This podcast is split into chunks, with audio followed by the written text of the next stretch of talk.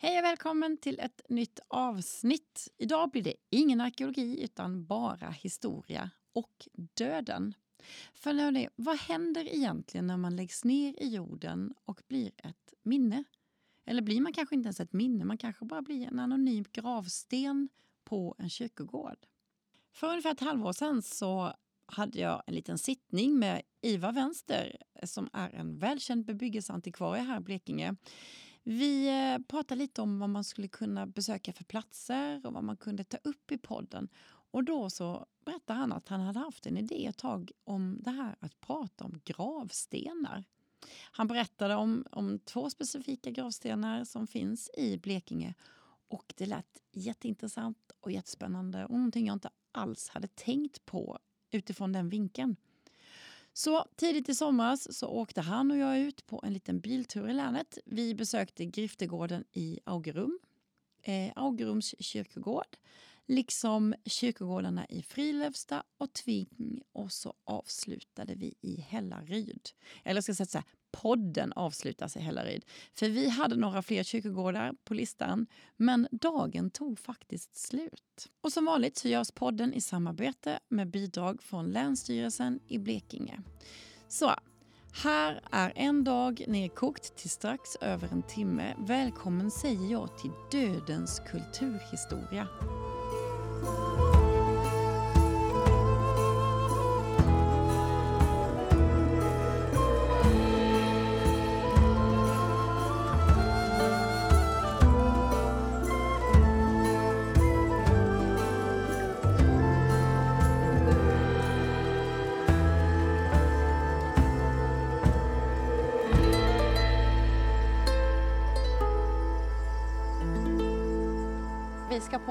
Roadtrip. Ja, vi ska försöka följa eh, dödens kulturhistoria. Att människor i alla tider har liksom lagt ner väldigt mycket energi och, och tankekraft och omsorg om de som försvann. Liksom. Eh, Och vi gör det nog fortfarande också, fast kanske inte riktigt lika medvetna om det. Vi, vi har eh, eh, väldigt effektivt under 1900-talet försökt tona ner eh, döden. Mm. Eh, Varför det då, tror du? Ja, det, det kan finnas en historisk eh, förklaring genom att 1900-talet var ett av de dödligaste och blodigaste århundraden på, på väldigt lång tid. Mm. Med två stora världskrig, med förintelsen. Med... Det kan vara en delförklaring, men sen är det också ett, ett samhälle som eh, eh, som är extremt mobilt, rörligt, vilket gör att, eh, att eh, minnesmonument och så, eh, liksom, de fastnar ju i geografin.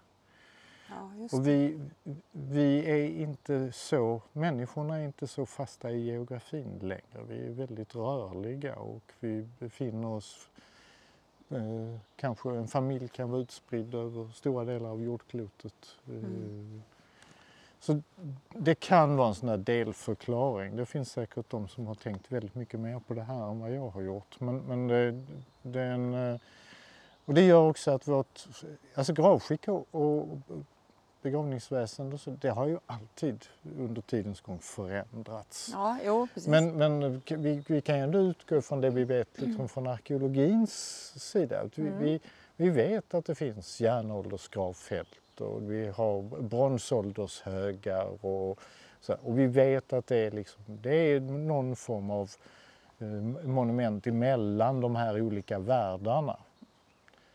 Eh, och de har varit ganska lika historiskt över tid. Sen att eh, kristendomen kommer till Norden och eh, det förändrar gravskicket på, på, på olika sätt. Ja, det, det gör det. Och att, eh, där händer inte sådär jättemycket under 600 år eller någonting sånt där.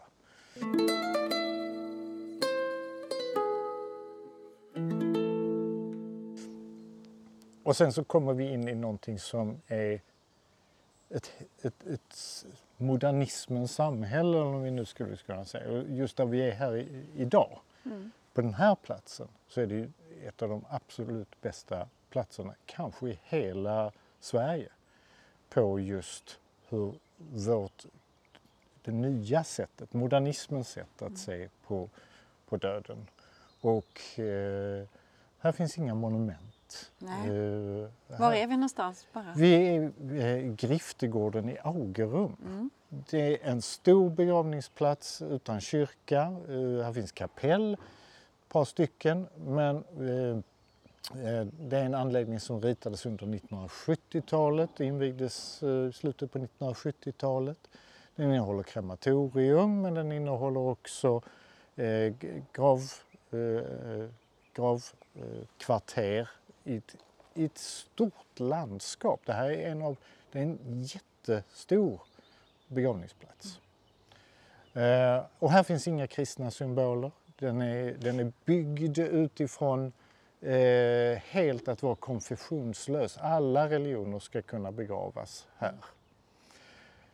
Sen är det naturligtvis lite eh, en, en anläggning som drivs av viss hybris. Alltså, Eh, för den är gigantisk. Ja, ja. Eh, och sen, sen den här invigdes så har begravningsskicket ändrats ytterligare.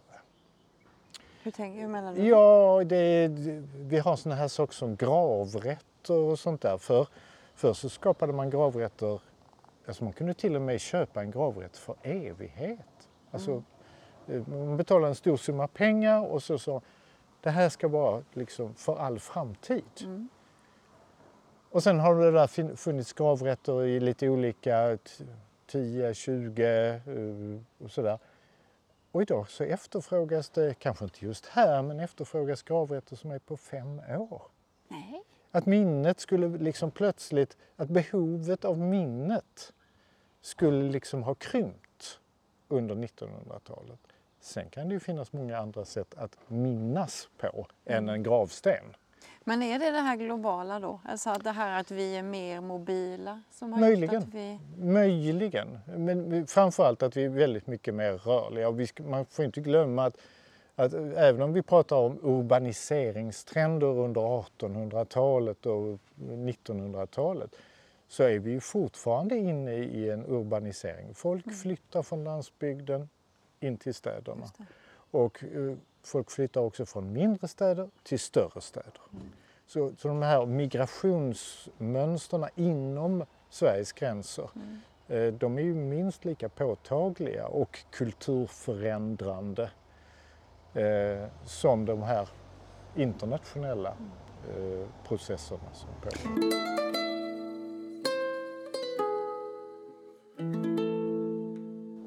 Men, men sen är det ju också det, alltså med, med en extremt teknologiska eh, sjukvården vi har idag och eh, folk dör inte hemma. Det är ganska sällsynt. Eh, man dör på sjukhus mm.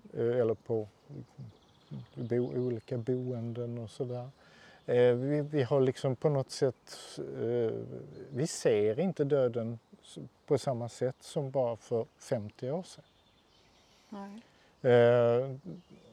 Och det är också en sån här eh, liksom, det är många delar av det här som, som gör att det, det, det finns inte i vårt liksom, riktiga medvetande. Man kanske rent existentiellt tänker över sin egen dödlighet och vad mm. som är, möjligen ska hända. Så. Men, men kollektivt är det väldigt lite tankekraft som läggs ner på det här.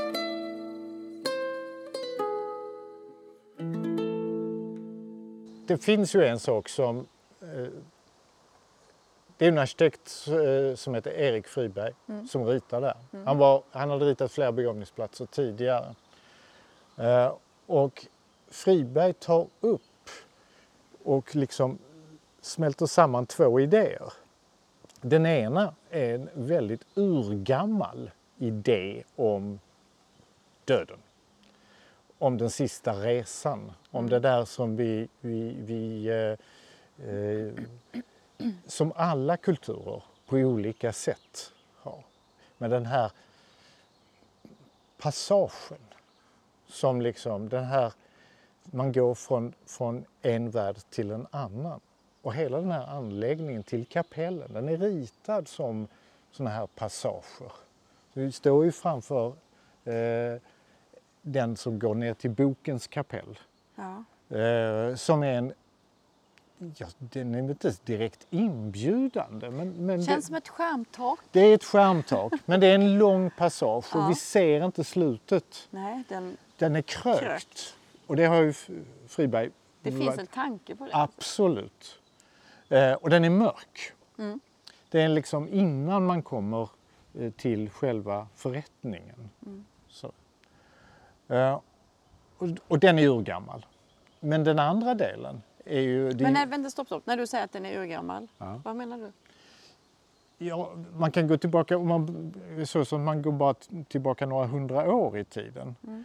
så finns det ju en mycket, mycket känd tavla som finns i flera exemplar som heter Dödens ö och som, rit, som målas av Böcklin, tysk eh, konstnär. Eh, som är en, en gondol, en vit gondol med, med, som transporterar en kista eller någon form av svept kropp. Eh, och så är det då en färgkar. Det är ju faktiskt så också att Tranströmer skriver faktiskt en, en, en diktsamling som heter Sorgegondol som också har det, lite samma grundtema. Men det här med att det är den sista resan. Eller varför vi, i, om vi kommer ner till södra Europa och gräver ut romerska gravar, alltid hittar ett litet mynt eh, i graven. Antingen har det lagts på kroppen eller i munnen eller någonting sådant. Så att man ska kunna betala färgkaren Jaha, på den sista resan till Hades. Eh, och det här med den där resan, med färgkaren eller med sorgegondolen eller med vandringen. Vi kommer, Eh, Dödens ö är ju ett, också ett sånt här tema som finns genomgående i väldigt många av begravningsplatserna, inte minst i Blekinge. Eh, men det går alltid att hitta liksom tankarna. För de människorna som skapade det här en gång i tiden så var det här liksom en, det var en del av den kulturen. Man visste vad det var för typ av symboler. Idag kanske inte man reflekterar riktigt över det. Nej.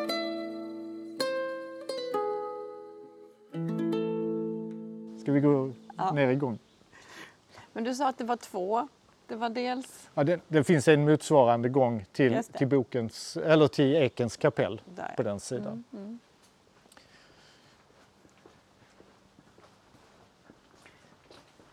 Men detta att, att, eh, att man ens har planerat en begravningsplats. Eh, sådär att det, det känns som att det har lagts ner mycket tid och energi på detta. Var det så förr också när vi kör förbi alltså, kyrkogårdar och sådär? Så stora monumentala begravningsplatser och, kyrkogårdar eh, blir egentligen först under det sena 1800-talet eh, riktigt påtagligt. Ja. Innan dess så fanns det naturligtvis eh, personer som hade väldigt mycket pengar eller makt eller av, olika slag. De kunde manifestera sina egna gravplatser. Eh, men men eh, någon gång under 1800-talet, början av 1900-talet så blir det här eh, en, en allmän idé om hur man skulle organisera begravningsväsendet och kyrkogårdarna. Här är en ganska nyanlagd eh, Askgravlund. Så den här är ju inte...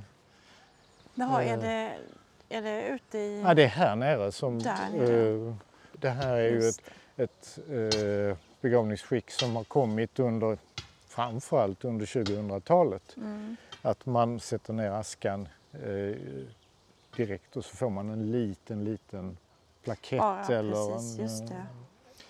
Och den här kommer vi ju att stöta på vid flera tillfällen. Mm. Eh, men det ska jag berätta sen.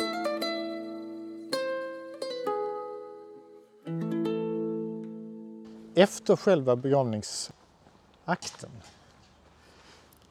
så är ju tanken att man kommer ut ifrån kapellet och så möts man av någonting som inte riktigt vi kan se då. Man kommer ut här och så möter man ljuset. Precis. Det, och normalt sett så finns här en vattentrappa. Eh, som det rinner vatten eh, ner genom hela begravningsplatsen bort mot en damm. väldigt vackert. Och det finns, det motivet eh, kan man ju då säga att det finns ju Gunnar Asplund ritade på Skogskyrkogården i ett av kapellen eh, där man kan öppna upp hela väggen eh, i kapellet och släppa in dagsljuset som liksom, och då har man gjort, då har man gjort det som var den ritualen, liksom överlämnandet eh, och så går man ut till det som är det fortsatta livet för de som eh, var anhöriga till det. Det är en väldigt vacker plats, eh, även om man kan tycka att eh, att det är mycket betong och väldigt så, så är det ju en väldigt, väldigt stilig plats.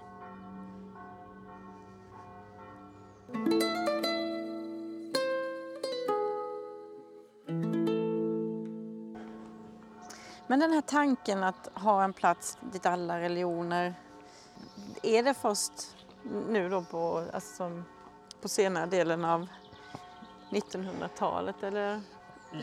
Ja, alltså i, I Sverige uppkom ju det här behovet redan på 1960-talet med arbetsplatsinvandring och eh, det var människor som plötsligt var eh, katoliker eller eh, Mm. grekiskt ortodoxa eller, eh, och kanske inte riktigt kände att de hörde hemma i de här lutherska begravningsplatserna. Nej. Eh, Det är inte första gången det har varit ett bekymmer eller en fundering. Eh, Men då har oftast eh, de små församlingarna själva skapat sina... Vi har ju judiska begravningsplatser, finns ju från sent 1700-tal i, på många ställen i Sverige. Eh, Men sen kommer det ju ytterligare andra religioner. Just det. Som eh, muslimer, buddhister, eh, hinduister som har helt andra liksom, traditioner och ritualer. Eh, och just den här eh, begravningsplatsen har ju en muslimsk eh, del. Vilket egentligen nog var tänkt redan från, redan från början även om inte eh, Erik Friberg tänkte så. Nej. För då, eh, det är ju något av liksom den här platsens fördelar, att det går att göra utan att det blir eh, en konflikt eh, kring det. Och, och eh, vi brukar ju säga att Sverige är ett sekulärt samhälle. Det, det är en del av vår demokrati och en del av vår, hela, hela statsbygget. Så att eh, eh, den var nog uppfattades som väldigt, väldigt modern på 1980-talet. Absolut. Sen visade det sig att det var väldigt mycket man hade fel i när man skapade den. Okej. Alltså den hade ju inte behövt vara så stor. Nej, nej du Den, så. alltså den här begravningsplatsen sträcker sig hela vägen ner till trädkanten. Ehm.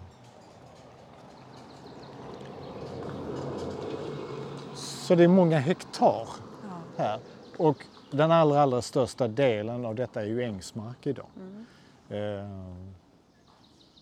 Men en otroligt vacker plats. Den är Och så här års. Och det, Ja. just det där när du sa att det finns inga religiösa symboler eller så utan det är bara liksom lite vil och frid.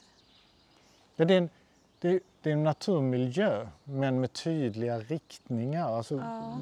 att man vill leda människans blickar eller eh, eh, vandring. Eh, ja, den är en fantastisk bokskog. Ja, Med otroligt. nektargalar och eh,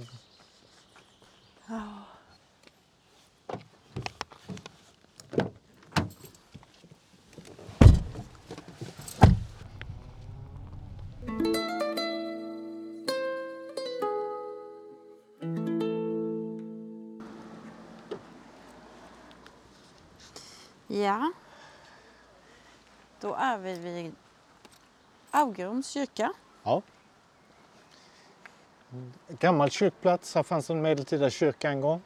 Eh, nu står det en väldigt stor och pampig nyklassisk kyrka här. Du, den är jättestor. Den är stor. Eh, och tornet är bara liksom den lilla delen för själva kyrk, kyrkrummet är, är uh, kyrksalen som den då heter. Mm. är gigantisk. Uh, gjord som ett klassiskt grekiskt tempel. Som det skulle vara. Men här finns då två kyrkogårdar. Uh, för nu är vi på en kyrkogård. Ja. Eh, och den gamla delen av kyrkogården eh, kanske tillhör en av Sveriges allra, allra finaste 1700 och 1800-tals kyrkogårdar. Sånt mhm. här, är, här har man haft plats. Att när det, man behövde ny mark så har man liksom lagt den nya delen eh, öster om. Och så har man lämnat de här. Och det här, är, det här är sånt som man har städat bort. Mm. I, i, när det var den stora eh, ordningens tid i slutet på 1800-talet. Ja.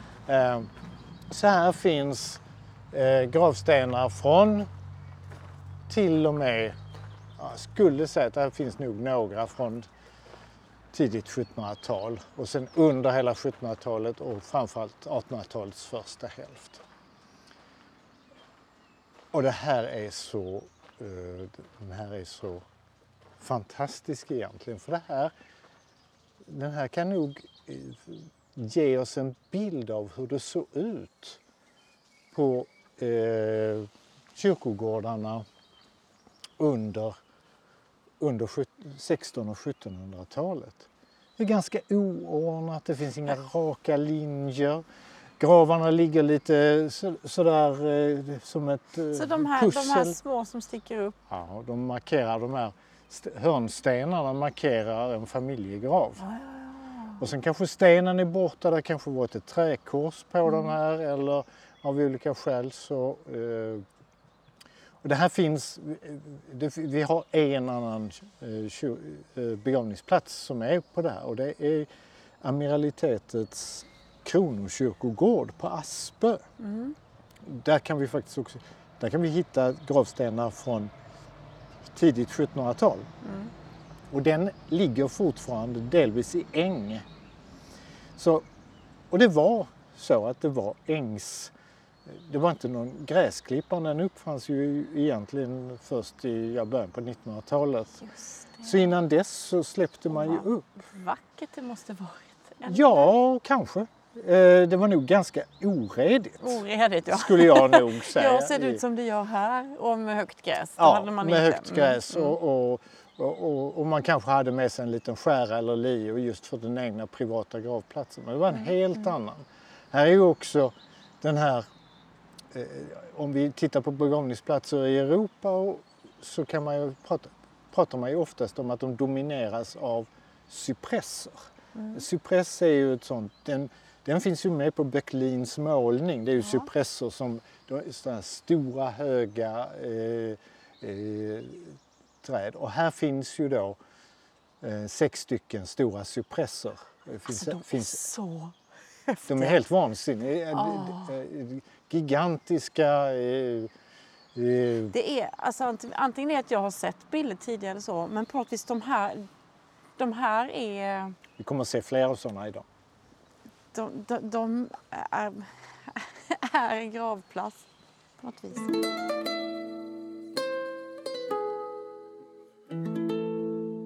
Här ligger ju också två monumentalgravar. Eh, alltså för, för de som riktigt ville liksom manifestera att det de hade gjort under sitt liv mm. var viktigt att minnas inför framtiden. Och just det påstås att förebilden till den här eh, skulle vara etruskiska eh, gravar.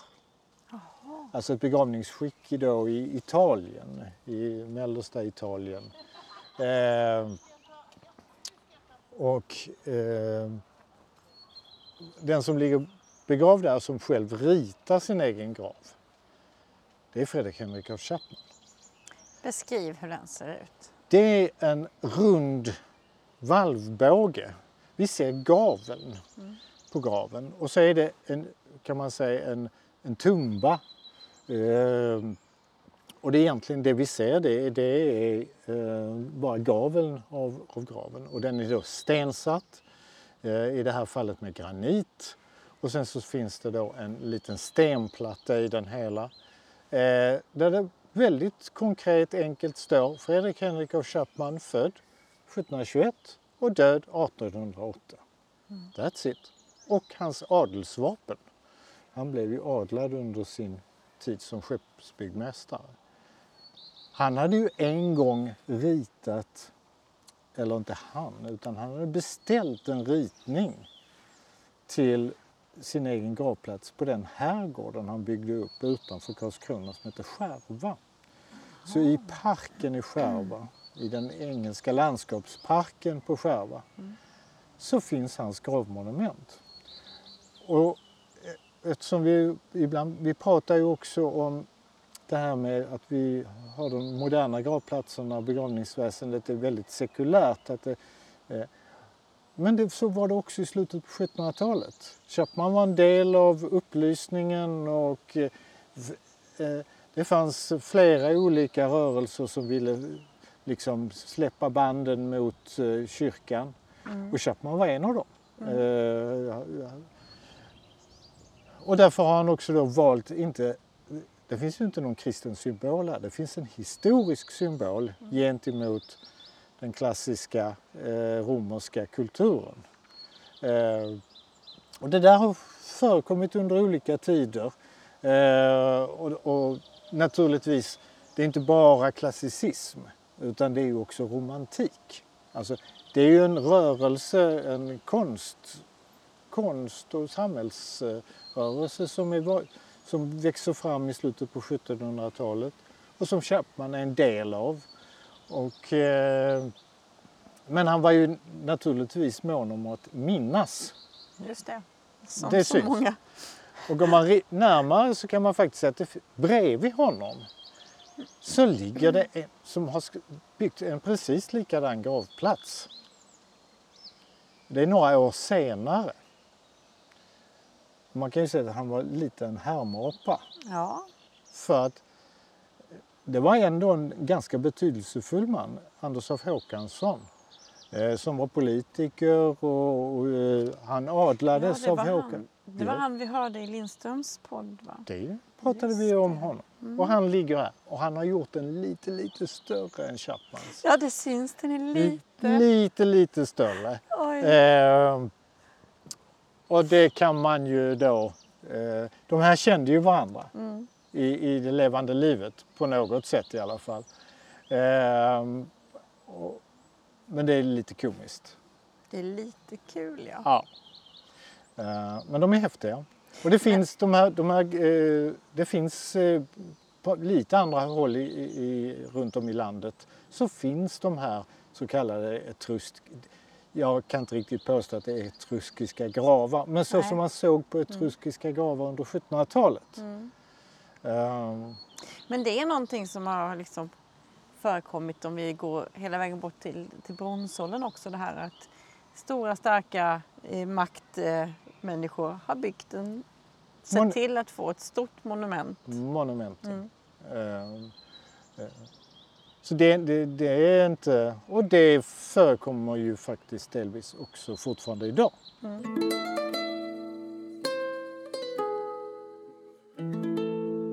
Ja, som de vi går här då som är från slutet, mm. så vi 1700. 1700. Vem, vem, alltså vad, hur bevaras det här? Den här delen är ju, eh, den tillhör så kallade kulturgravar. Det, det, här är alltså begravningsväsendet i Lyckå församling som det då är, som sköter mm. de här. Så det här är inga gravrätter eller någonting sådant. Det eh, finns några enstaka lite längre ner här i i backen. Um, så det, det uh, så det här är tanken att det här ska se ut ungefär så här. Mm. Eh, och det har ju alla kyrkogårdar på sig ett krav att Eh, brukar ju, brukar ju prata om det här som ett kollektivt minne över en socken. Alltså de människorna som en gång har levt. Det är någon slags öppen fysisk bok över hur, eller dokumentation över det. Eh, så var det ju tidigare, men i och med att man idag faktiskt säger upp gravrätter och tar bort gravstenar och så, så, så blir det inte riktigt samma sak. Nej. Sen ska man inte glömma att i alla tider har man rensat bort. Alltså fanns inte någon efterlevande eller någon som tog hand om så plockade man bort gravstenarna mm. och så, så upplät man det till en annan plats. Mm. En ja, man, väldigt... man lever inte längre än någon har minnet av en. Nej.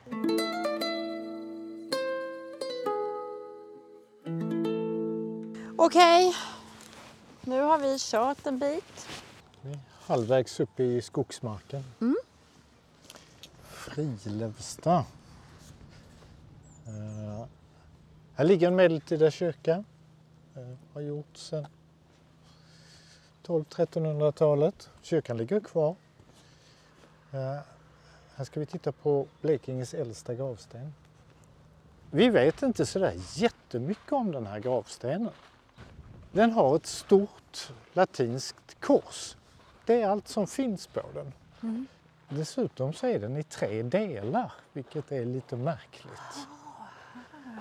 För det här finns inte sådär jättemånga paralleller till andra, jag skulle nog ändå säga senmedeltida gravstenar. 1500-tal kanske, någonting sånt eller kanske 14. Det, det, är lite svårt att veta. Det har, skulle kunna ha varit eh, ett lock till en gravhäll. Mm. Ja, den det vet vi. Konstigt. Och grejen är också att vi vet inte riktigt vilka delar som är gamla och om den har blivit kompletterad eh, senare. Mm. Men det är ändå ett stycke unikum eh, därför att gravstenar Eh, dels är den ju huggen i granit, vilket är ett oerhört svårt bearbetat. Kunskapen om att hugga i sten, framförallt i granit, den finns här under 1200-talet i samband med att kyrko, många av kyrkobyggena, då kommer stenhuggare nerifrån domkyrkobygget i Lund Eh, och kommer upp först till Heliga Kors kyrka i Ronneby och så småningom också ut mot sockenkyrkorna. Mm. Eller mm. så kanske det är liksom, det kan ju vara en flera generations eh. Det har skrivits en hel del om den här. Det, kan, det är ett fragment och det finns säkert i kyrkogårdsmurar eller på kyrkogårdar så kan mm. det finnas medeltida gravstenar. Men det, den här är den enda vi vet om. Men beskriv den en gång. Så att den är en stor rest sten. Den består egentligen av tre delar ihopsatt på det viset. Mm. Med, med, med, eh, och eh, eh, en och en halv meter hög nästan, mm. till och med lite drygt. Eh, lite så konformad uppåt och så mm. avrundad eh, som en, en romansk båge. Just det. Eh, och Man kan alltid övertolka sådana här. Det, den, det behöver inte tvunget ha varit en gravsten men den har alltid Nej. tolkats som det. Hur ehm, länge har den stått så här? Då? här? Antagligen sedan början av 1900-talet. Mm. Den kan mycket väl ha funnits inne i kyrkan tidigare. Ehm. Alltså den känns ju den känns lite avsmalnande fram till och något bredare bak. Mm. Som att den nästan skulle ha liksom legat, nästan legat ner. Ja, det, jag skulle tro det också. Att den är, um... Och det här att den skulle vara i tre delar, är det någon, för det ser ju väldigt, de tre delarna ser ju väldigt Väldigt uppsågad ut på något vis. Ja, Väldigt och det rak. kan ju vara så att den har varit skadad och så har man restaurerat den och Mm. lagt till en del. Och Det, det kan det mycket väl vara. Men alltså vi har ju eh, Öland har vi lite medeltida eh, gravstenar. Eh, Gotland. Mm. Västergötland naturligtvis. Hus, Huseby. Eh, Husaby. Och annars är det ganska klent. Ja, de finns vid domkyrkorna och Mm. i kryptorna och, och sådär. Men ute i sock, socknarna, i de enkla sockenkyrkorna, det var en ganska liten kyrka. Jaha. Eh, och det här är inte liksom den absolut bästa jordbruksmarken i eh, omgivningen heller. Så det är en, eh, även om det är en ganska stor socken, den är ganska folk, eh, folkrik på det viset, att den är storleksmässigt. Så den är ett litet unikum på det viset. En gammal sådan. Mm.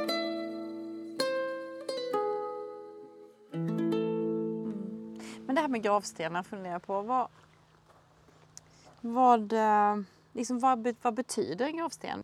Ja, det finns eh, två tolkningar egentligen av, eh, av det. Den ena är ju att man, man och det här är ju en konsthistoriker i början på 1900-talet som, som liksom får, man tänker sig liksom, det ena är ju att det är en gravsten som, som på något sätt ska symbolisera den som har försvunnit. Mm. Det, liksom, och det kan man ju tänka sig här att ja, men det är ju ändå mänskliga proportioner Mm. i, i den här. Och tittar vi runt omkring så har vi ganska många sådana här som är, är eh, relaterade till liksom just den, den människa som är försvunnen eller ting av olika slag. Mm. Den andra typen av gravsten eller gravmonument är ju mer som små hus där den döda ska vila i. Och det finns ju inom alla kulturer finns ju just det här med att man skapar, och kommer vi ner i södra Europa då är det ju, så ser begravningsplatserna, det är ju fullt med små byggnader, Ja. grav, liksom riktiga sådana här eh, kapell närmast där Mm. flera generationer kan begravas. Och jag skulle väl, eh, även under medeltiden så, så existerar ju båda de här.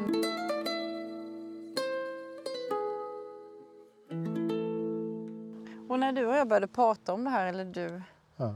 eh, om att man skulle göra en podd med gravstenar, så var det just det här. En väldigt liten enkel diabasplatta kan den vara. 35-40 gånger 40. Ett litet kors, ett ringkors. Och så står det far och mor. Mm. Och ingen egentligen vet vem som ligger här. Man hade inget behov av, eller inte hade råd, att tala om titel eller eh, inga dekorer, ingenting. Nej, men menar, på många gravställen så är de ju kapten och det är Ja. överstelöjtnant och så. Hemmansägare. Här är man far och mor. Och det, det finns, det förekommer och det förekommer faktiskt också fortfarande idag att eh, man reser just den här typen av Mm. eh, där det bara är, man beskriver relationen emellan den som beställer stenen och eh, den som ligger eh, i graven. Väldigt fint. Och den Väldigt är fint och så samtidigt lite, lite sorgligt. lite sorgligt. i sammanhanget. Ja. Mm.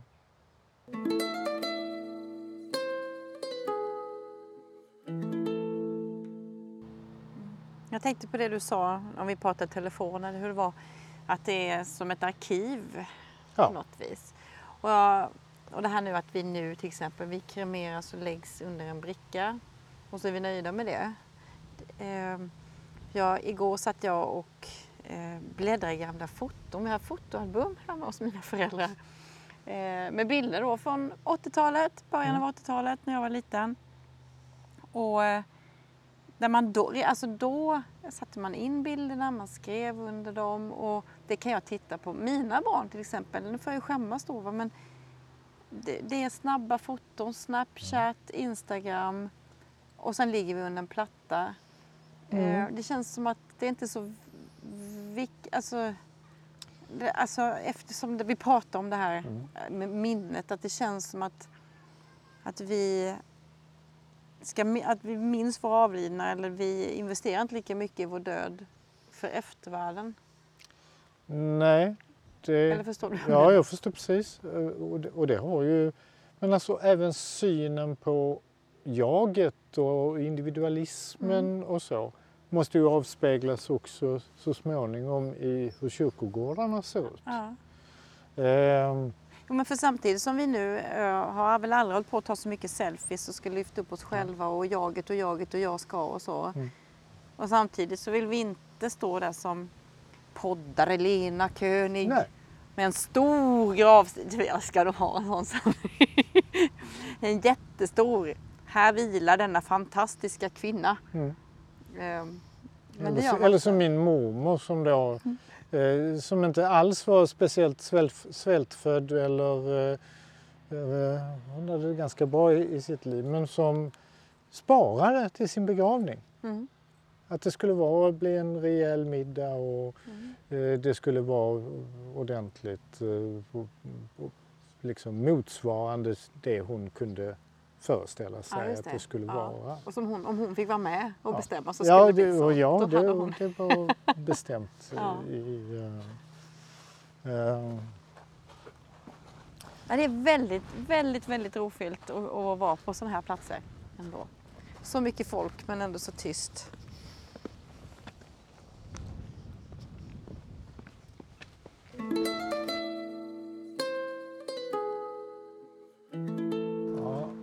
Är vi, Ivar, var? Vi är i Tving, Här Tvings kyrka. aldrig varit. Den ligger högt. Högt placerat, en gigantisk kyrkobyggnad.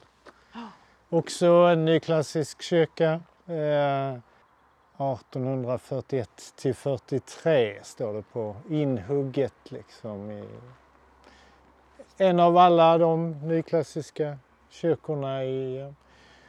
Men den här kyrkogården är speciell för den ger en väldigt stark känsla av hur det kunde se ut här på 1890-talet, kanske in på 1930-talet. Man kan faktiskt inte ana, alltså man förstår att det är lite kvartersindelning och så, men det är inga raka linjer. Det är inte eh, den här eh, liksom rutnätet som, eh, utan det är ett äldre, eh, ett äldre kyrkogårdsindelning faktiskt. Alltså jag, jag måste... Det, det, jag, för mig är den här så fin. Ja, Buxbom heter det va? Buxbom. Alltså det är som en, som en liten låg skog. Ja. Och de här vackra gråa, massvis med olika gravstenar. Mycket granit, grå granit, lite Åh, svart diabas där borta, lite röd vånga granit där borta. Men det, det här är ju eh, de dödas stad. Det, det är väldigt tydligt. Och här kan man Ja. också säga att det är en del hus som är större och mer påkostade. Exakt. Ja, det är jättefint. Wow! Jag tar Och- bilder. Och här har man då också varit väldigt mån om att inte plocka bort så mycket gravstenar. Det, det, det, det är nog många kyrkogårdar som har sett ut så här. I huvudsak så är det ju granit. Och det blev nog, alltså det blev vanligt med den, eh, när gra- granitindustrin expanderar i slutet på 1800-talet. Då blev det tillgängligt på ett annat sätt. Annars var ju graniten ett svårbearbetat material och det, det var ju mer i, i de bygder där man hade en tradition av eh, stenhuggeri. Mm, mm. Och det här är, eh, det är både namn och, här är gårdsnamnen oftast utsatta på, på gravstenarna. Eh, Underbart virrvarr av olika och stora och små. Alltså det stora är små. jättefint. Och, och man får gå liksom här lite försiktigt här för att man Gångarna leder inte riktigt rakt fram utan man... Men det kan man ju säga om man nu är som i Karlskrona eller på de här större där det då står vad de är Mm. för någonting så står det ju här Gunnetorp Ja. och Gröngölsmåla. Det har jag inte heller. Och här är det faktiskt också så, jag, jag kan inte riktigt svara just i Tving, men när vi var i Friluftsdag så är det ju så att där väljer man att liksom det byarna avspeglar sig på kyrkogården också. Så Mm. de som kommer från den byn, de samlar sig i det kvarteret. Så. Det är inte jättetydligt, men det, det är ens närmsta vänner ligger runt omkring liksom, eller skolkamrater eller vad det kan vara. Här står, här står ju alltså på varje, var och en var de kommer Ja. ifrån. Det, är en, eh, och då, det säger, säger nog också lite om den här bygden. Mm. Att här visste man vad, vad folk eh, eh, De var jordbrukare. Mm. Och de som inte är jordbrukare, de brukar ju faktiskt, målarmästaren där borta, eh, Ja, just det. eh, Tjusigt. sen står det ju faktiskt hemmansägare och Ja, jord, ja. lantbrukare står ju. Men det häftiga här, de har också, det känns lite blandat mellan de enkla små gravstenarna och de lite mer påkostade. Ja, här får vi gå i gränderna verkligen. Ja, verkligen. Det är väldigt så.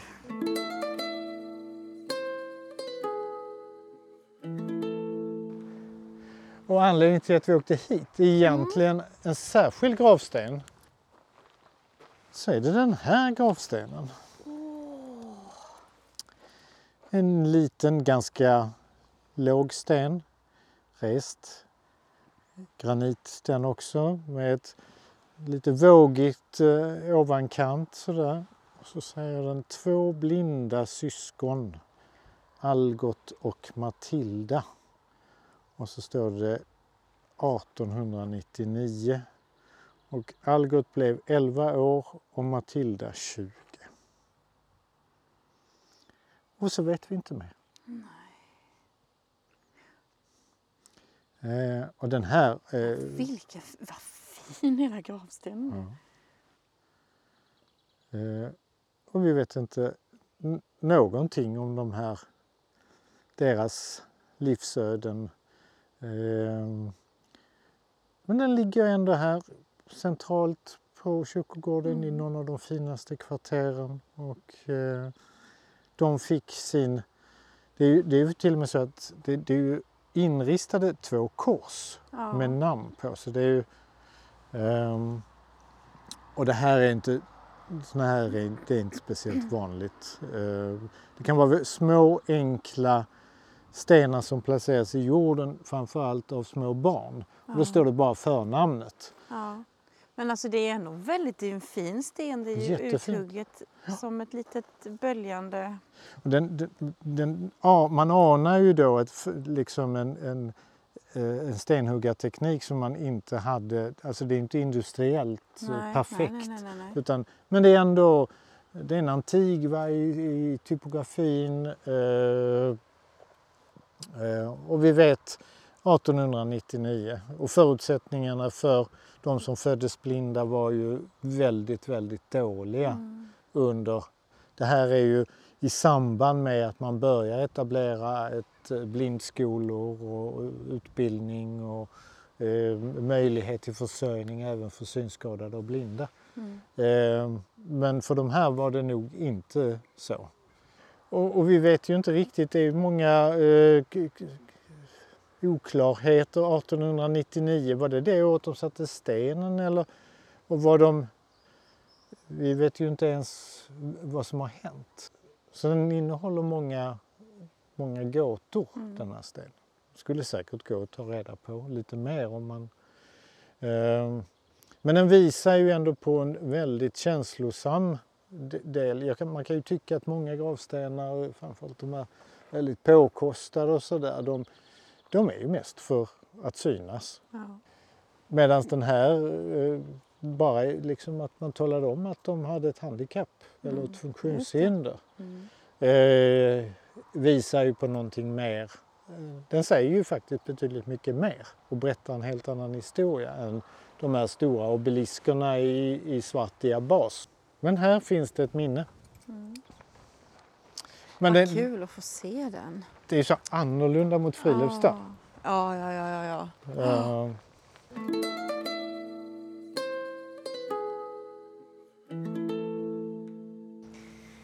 Jag Jaha du Ivar, vi har gjort ett nytt stopp. Och jag bara woho! När vi körde upp hit. Var är vi? I Hällaryd i eh, Karlshamns församling. Utanför Karlshamn är vi en by. Och eh, här är, byggde de också en kyrka under sent 1800-tal. Mm. Eh, och det är en lite märklig kyrka för den, den är en centralkyrka.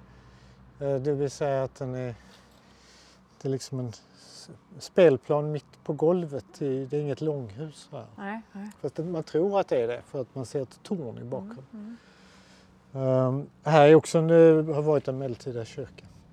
Men varför, varför, varför, varför är vi här då? Varför Vi ska titta på något, någon sån här raritet som finns här. Okej.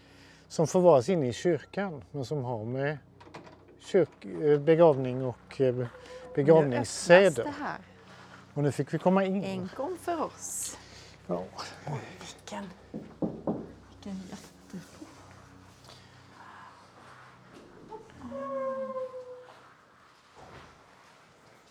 Wow! Vilken kyrka! Och Oj, vad fint. det här är verkligen en, eh, en plats för när, landsbygdens befolkning växte och växte rejält. Ja. Här är ju liksom läktare runt om. Eh, Jag tror aldrig jag har sett en sån här kyrka på riktigt. Vi har inte sett så finns, finns i Malmö har flera kyrkor som är byggda enligt den här principen. Det finns ganska många i Halland Västergötland. Mm. Eh, men just för Blekinges del så är den ju väldigt speciell.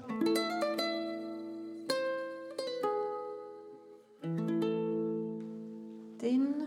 Brud, o Jesu längtan, nu hjärtligt upp till dig och innerligen trängtar att du, att du min, och låta henne vara hos dig i evighet. Dig lämnas. att berätta det rike jag förvärvt och allt det goda Nyttja. nyttja som jag av Fadern ärvt.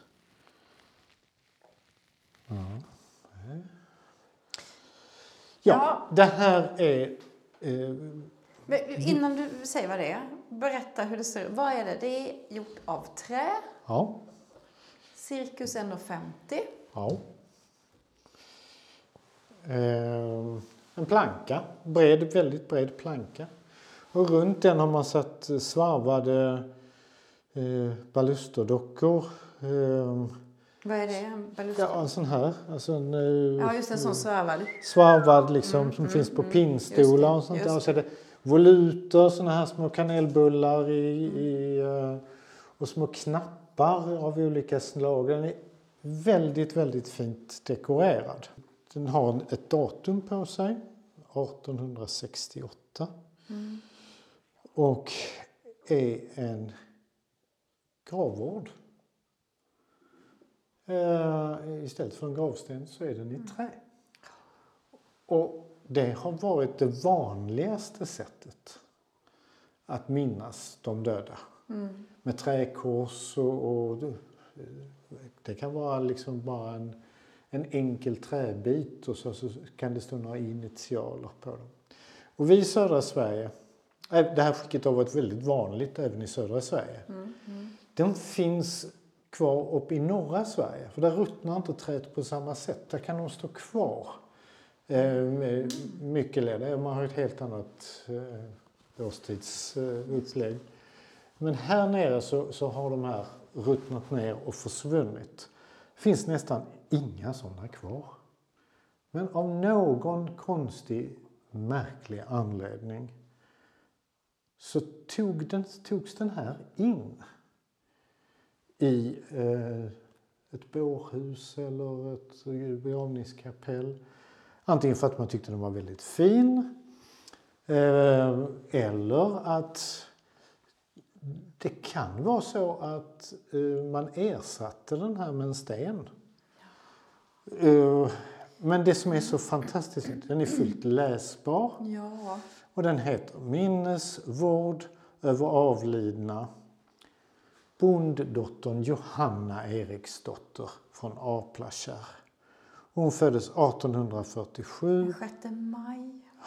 och sen dog hon 9 Ja. september. 1868. Och då står det under, det har jag aldrig sett. 21 år, 4 månader och 3 Tre dagar.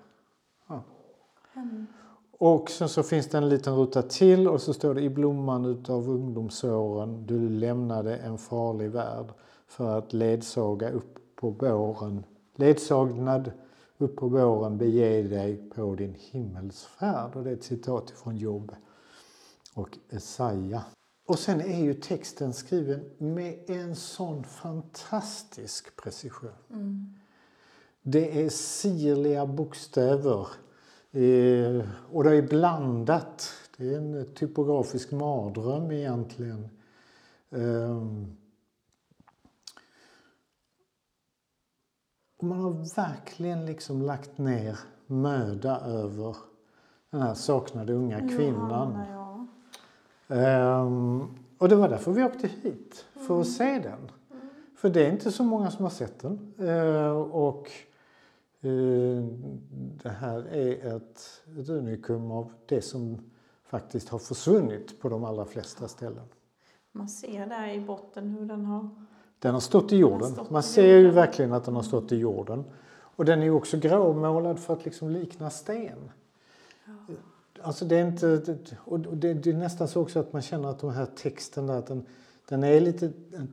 Det känns lite som tredimensionell, att den är huggen in i... i Ja, det ser ut som de har använt lite skugga nästan. ja. Ah, Otroligt fin. Bonddottern. Och henne kan man ju hitta i folkbokföringen och så, så att, eller kyrkoböckerna. Så att det, det, och kanske till och med också få veta om man går in där vad dödsorsaken är. Mm. 1868 var ganska tuffa år i Blekinge. Ehm, Koleran hade härjat. Det var eh, många år av missväxt på 1860-talet. Ehm, Plus en massa andra eh, epide- epidemiska sjukdomar som eh, härjade. Så vi vet, det får vi inte veta mer än om vi gör fler efterforskningar. Eh, Men den står här. Den står här och man vet inte riktigt vad man ska göra med den.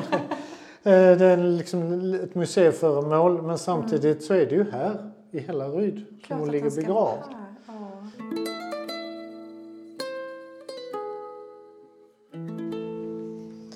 Så, vad säger vi, Ivar? Eh, Att vi skulle kunna Sitta på en bänk. sitta på en bänk in till he- kanske i direkt sol. Mm. Vad tror du? Ja, det går. Här. Åh, hej och hå. Mm. ja, nu har vi haft oss en, en liten roadtrip.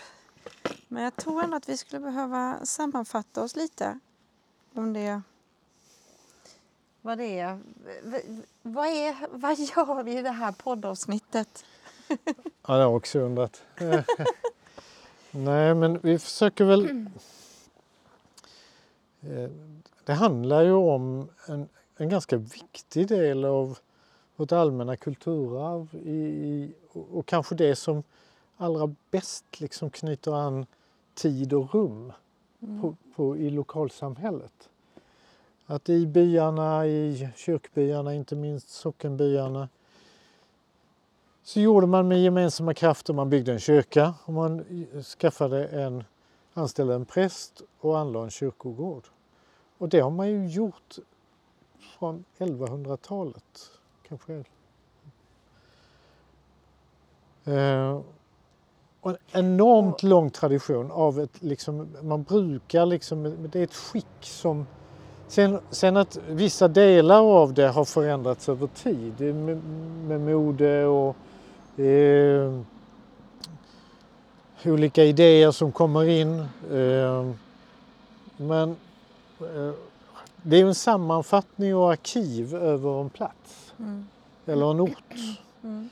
Eh, och den, stö, den är ju huggen i sten. Det är ju inte sånt här ömtåligt papper eller någonting som...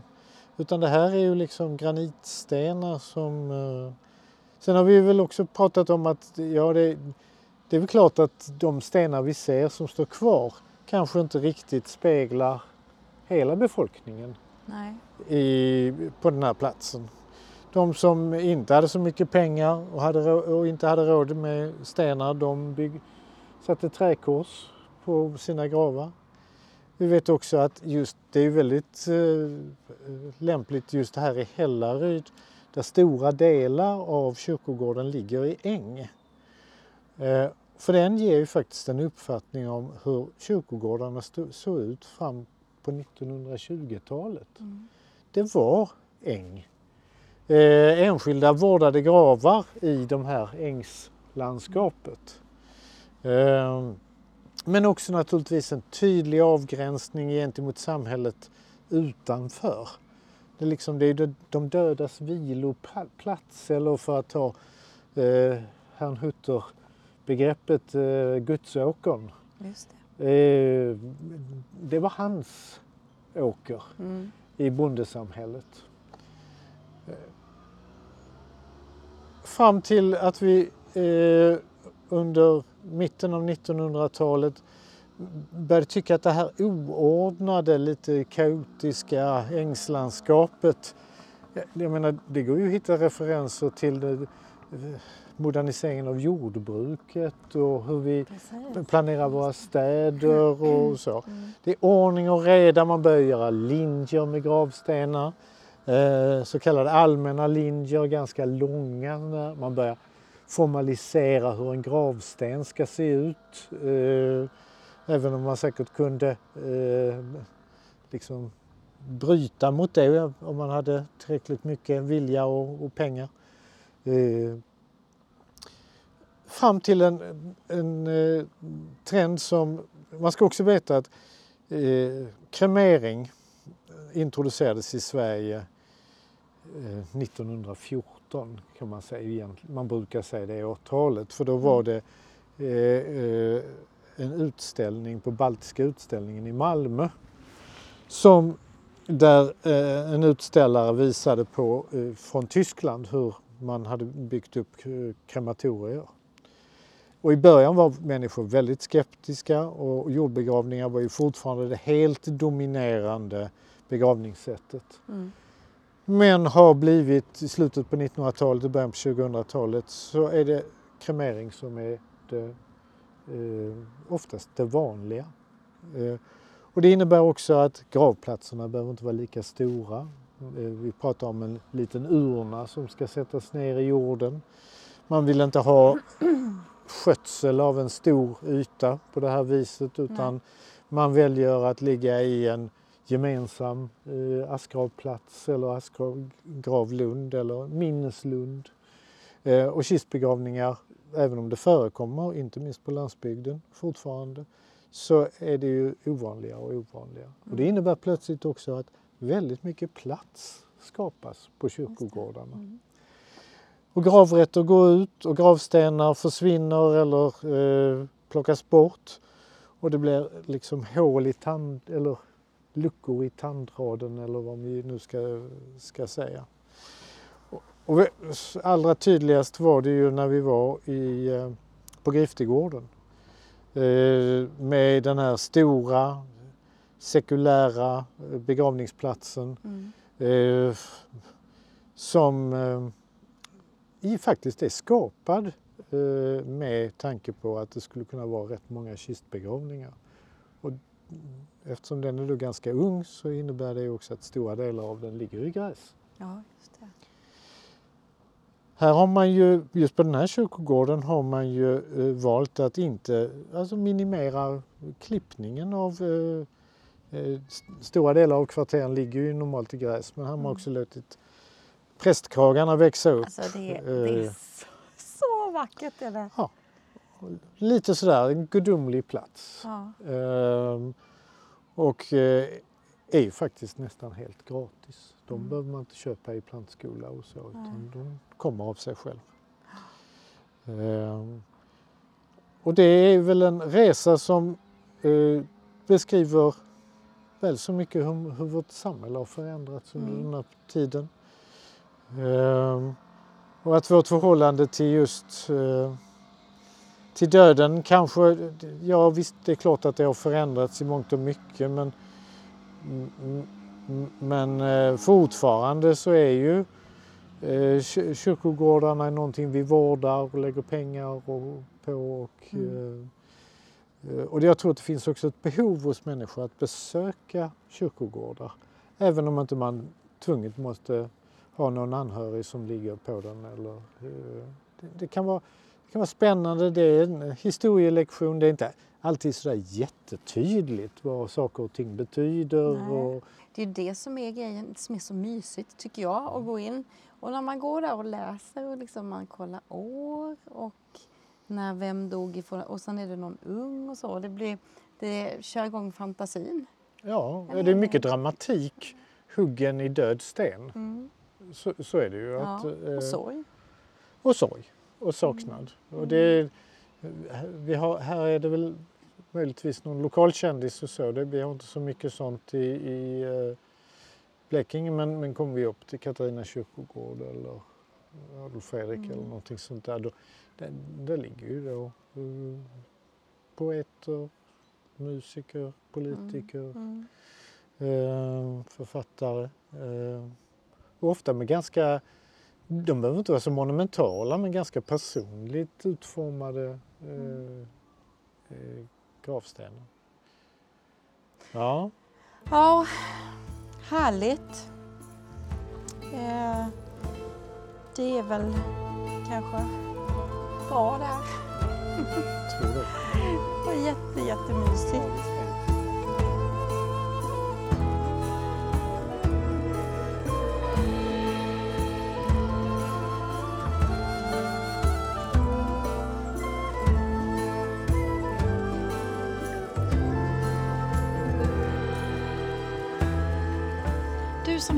Hör tack snälla för att du hängde med genom hela avsnittet. Eh, och jag vill verkligen uppmana dig att faktiskt åka ut till våra kyrkogårdar och bara vandra runt.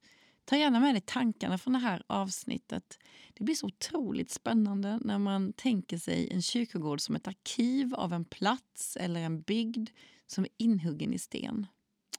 Min personliga favorit av de här kyrkogårdarna som vi besökte i det här avsnittet är utan tvekan Tvings kyrkogård. Det dödas stad. Alltså otroligt vacker kyrkogård. Den ligger högt och hur de liksom har placerat de här små gångarna som går emellan det är, åh, det är otroligt, otroligt vackert och spännande och fint. Eh, jag vet att många efterfrågar bilder och kanske även film från eh, de här poddarna som jag gör. Och mitt mål är att inför nästa år ha klart med både hemsida ehm, och Youtube, alltså att man kan gå in på hemsidan och både se bilder och kanske lite film från vissa och få lite mer kött på benen ehm, från de olika avsnitten. Det jobbas i alla fall för fullt med det just nu. Eh, och jag vill tacka Ivar igen som är en fantastisk berättare, ett arkiv i sig så att säga. Och du kommer, om vi alla har tur och podden får fortsätta att leva, få höra mer från honom under nästa år har jag tänkt. Eh, och nej, detta avsnittet gjordes ju i samarbete med och med bidrag från Länsstyrelsen i Blekinge, precis som vanligt. Och vet du, snart ska vi till Ljungaviken igen, för där har det grävts. Tills dess, ha det gött och ta hand om er.